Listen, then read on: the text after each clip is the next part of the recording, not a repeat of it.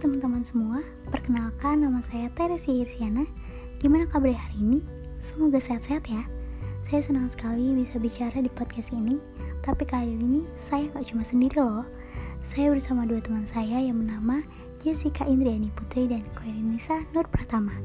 Kita dari Fakultas Ilmu Komunikasi Universitas Bayangkara Jakarta Raya. Kita bertiga mau berbagi ilmu nih sama kalian semua lewat podcast hari ini. Semoga kalian suka dan mau dengerin dari awal sampai akhir ya.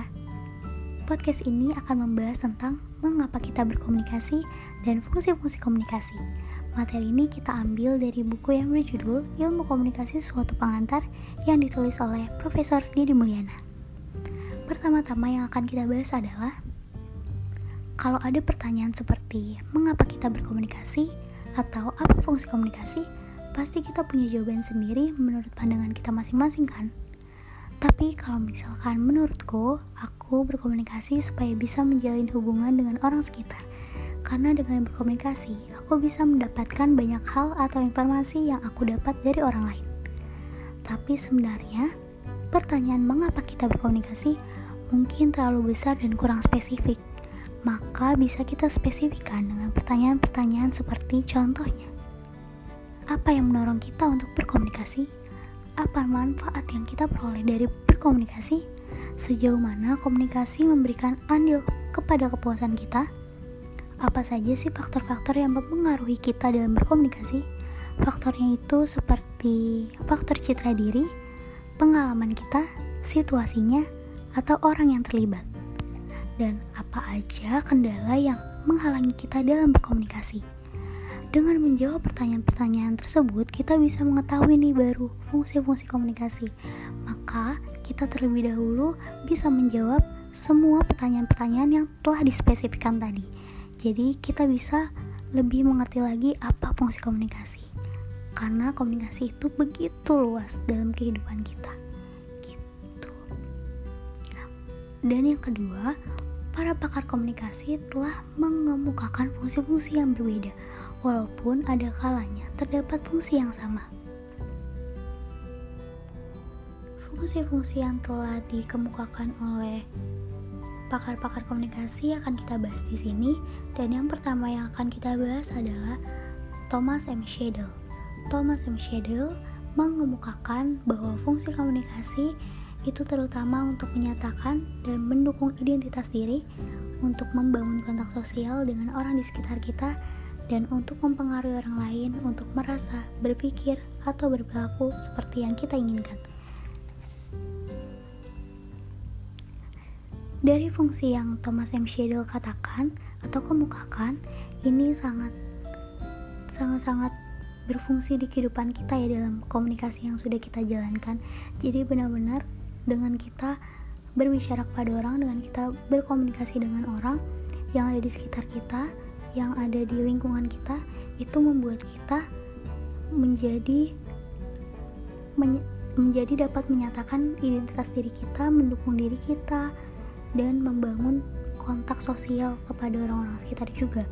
Yang kedua, Gordon. Zimmerman mengemukakan bahwa ada dua fungsi komunikasi, yaitu ada fungsi isi dan fungsi hubungan. Fungsi ini melibatkan pertukaran informasi yang kita perlukan untuk menyelesaikan tugas.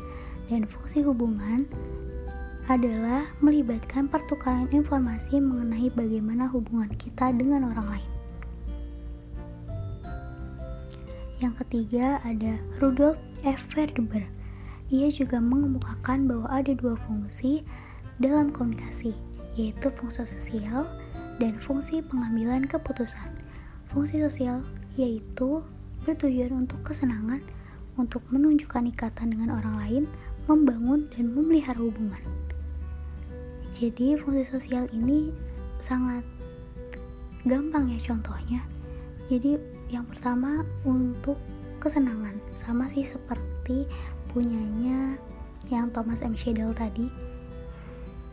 Jadi untuk kesenangan ini ya kita berkomunikasi untuk menceritakan suatu hal yang kita senangi atau kita mempunyai tujuan yang kita perlu ketahui, kita kasih tahu ke orang lain dan lain-lain. Dan fungsi pengambilan keputusan yaitu memutuskan untuk melakukan atau tidak melakukan sesuatu pada saat tertentu. Contohnya itu seperti apa yang akan kita lakukan pada hari ini, apa yang kita ingin lakukan, apakah kita ingin kuliah atau tidak, atau kita mau belajar atau enggak. Itu juga salah satu fungsi dari pengambilan keputusan.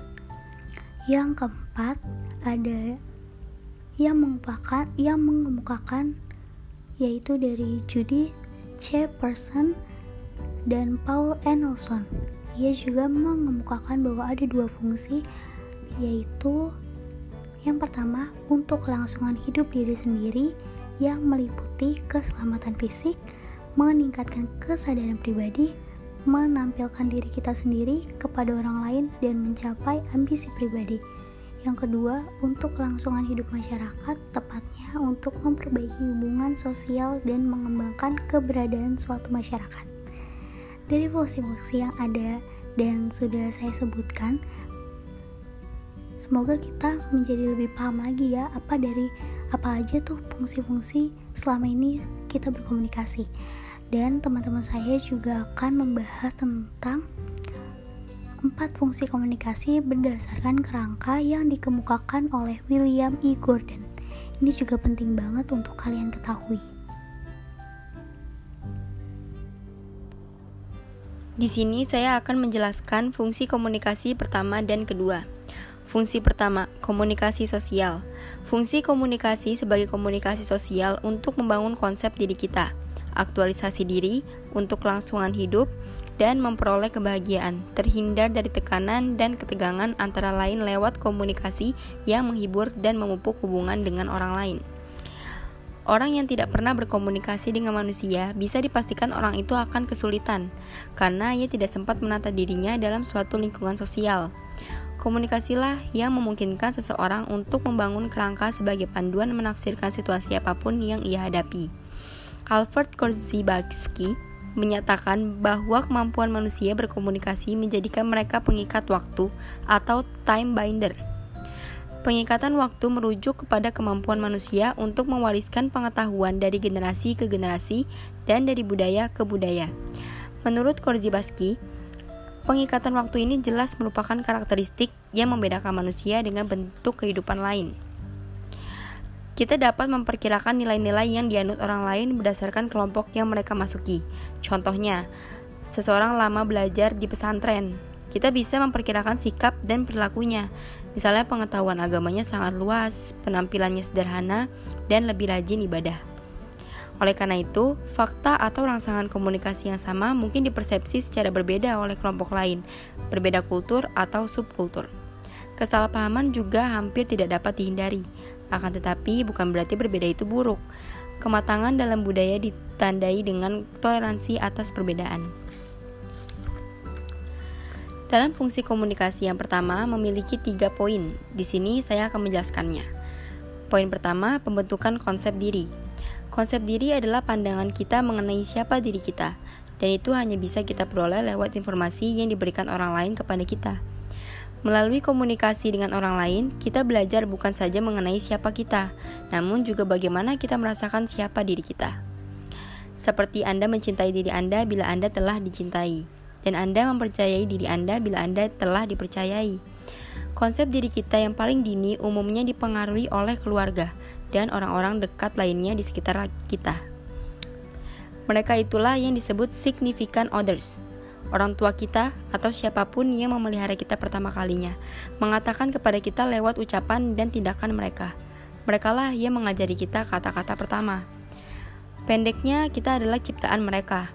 Sayangnya, tidak semua orang tua menyadari hal ini. Seorang ibu, ayah, atau kakak bisa saja mengeluarkan kata-kata kepada kita seperti bodoh, dasar anak nakal, banci kamu, penakut, Bila hal itu terus terjadi, sungguh itu akan merusak konsep diri anak yang pada gilirannya akan mereka percayai. Dalam proses menjadi dewasa, kita menerima pesan dari orang-orang di sekitar kita mengenai siapa diri kita dan harus menjadi apa kita. Menjelang dewasa, kita menemui kesulitan memisahkan siapa kita dari siapa kita menurut orang lain. Dan konsep diri kita memang rumit karena definisi yang diberikan orang lain kepada kita. Dalam proses pembentukan konsep diri itu bisa digambarkan secara sederhana seperti perilaku kita kepada orang lain, lalu mendapat umpan balik orang lain kepada kita, dan jadilah konsep diri kita, lalu balik lagi ke perilaku kita.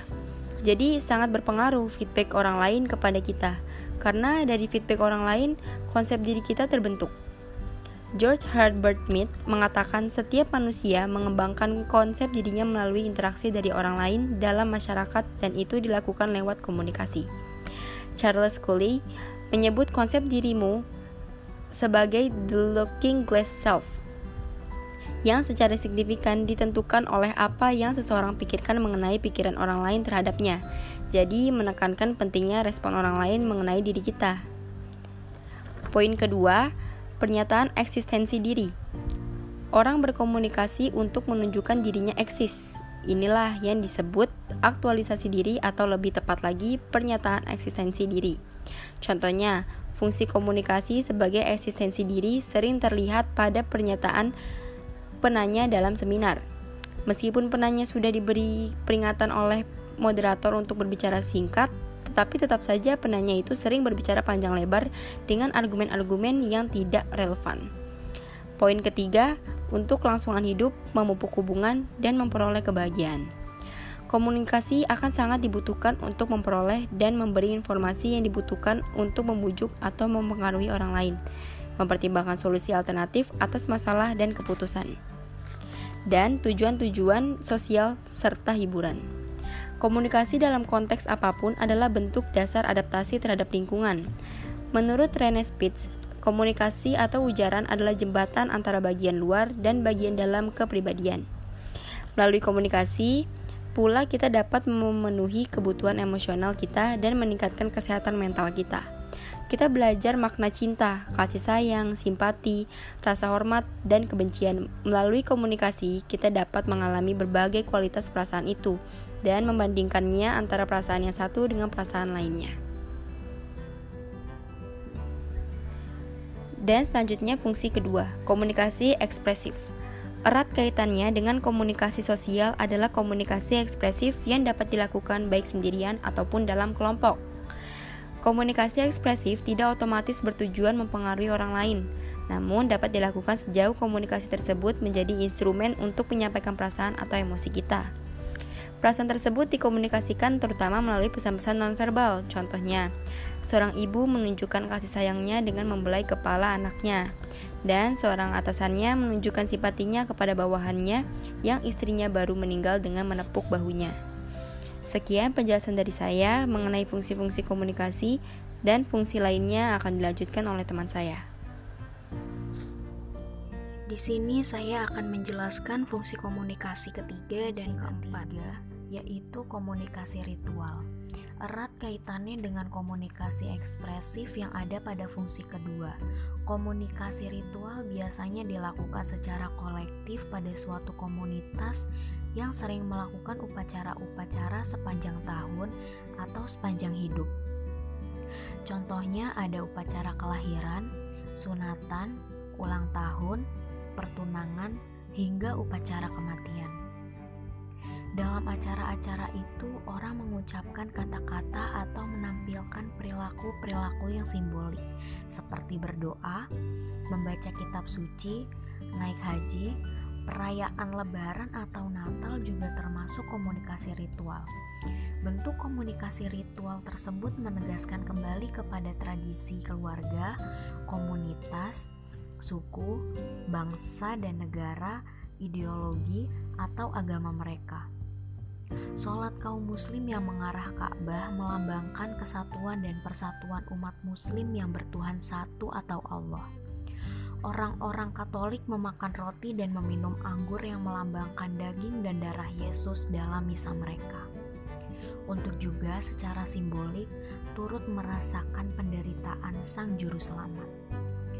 Fungsi ritual juga tampak dalam acara pelamaran yang dilakukan keluarga calon mempelai pria meminta kesediaan dari mempelai wanita agar putri mereka dijadikan istri calon mempelai pria dan keluarga calon mempelai wanita kemudian menyetujui permintaan itu. Komunikasi ritual sering juga bersifat ekspresif atau menyatakan perasaan terdalam seseorang. Contohnya, saat seseorang menziarahi makam Nabi Muhammad SAW, bahkan menangis di dekat makamnya untuk menunjukkan kecintaannya kepada sang Nabi. Adapun contoh lain yaitu para siswa atau siswi yang menjadi pasukan pengibar bendera merah putih atau paskibra Hal itu menunjukkan rasa cinta mereka kepada nusa dan bangsa.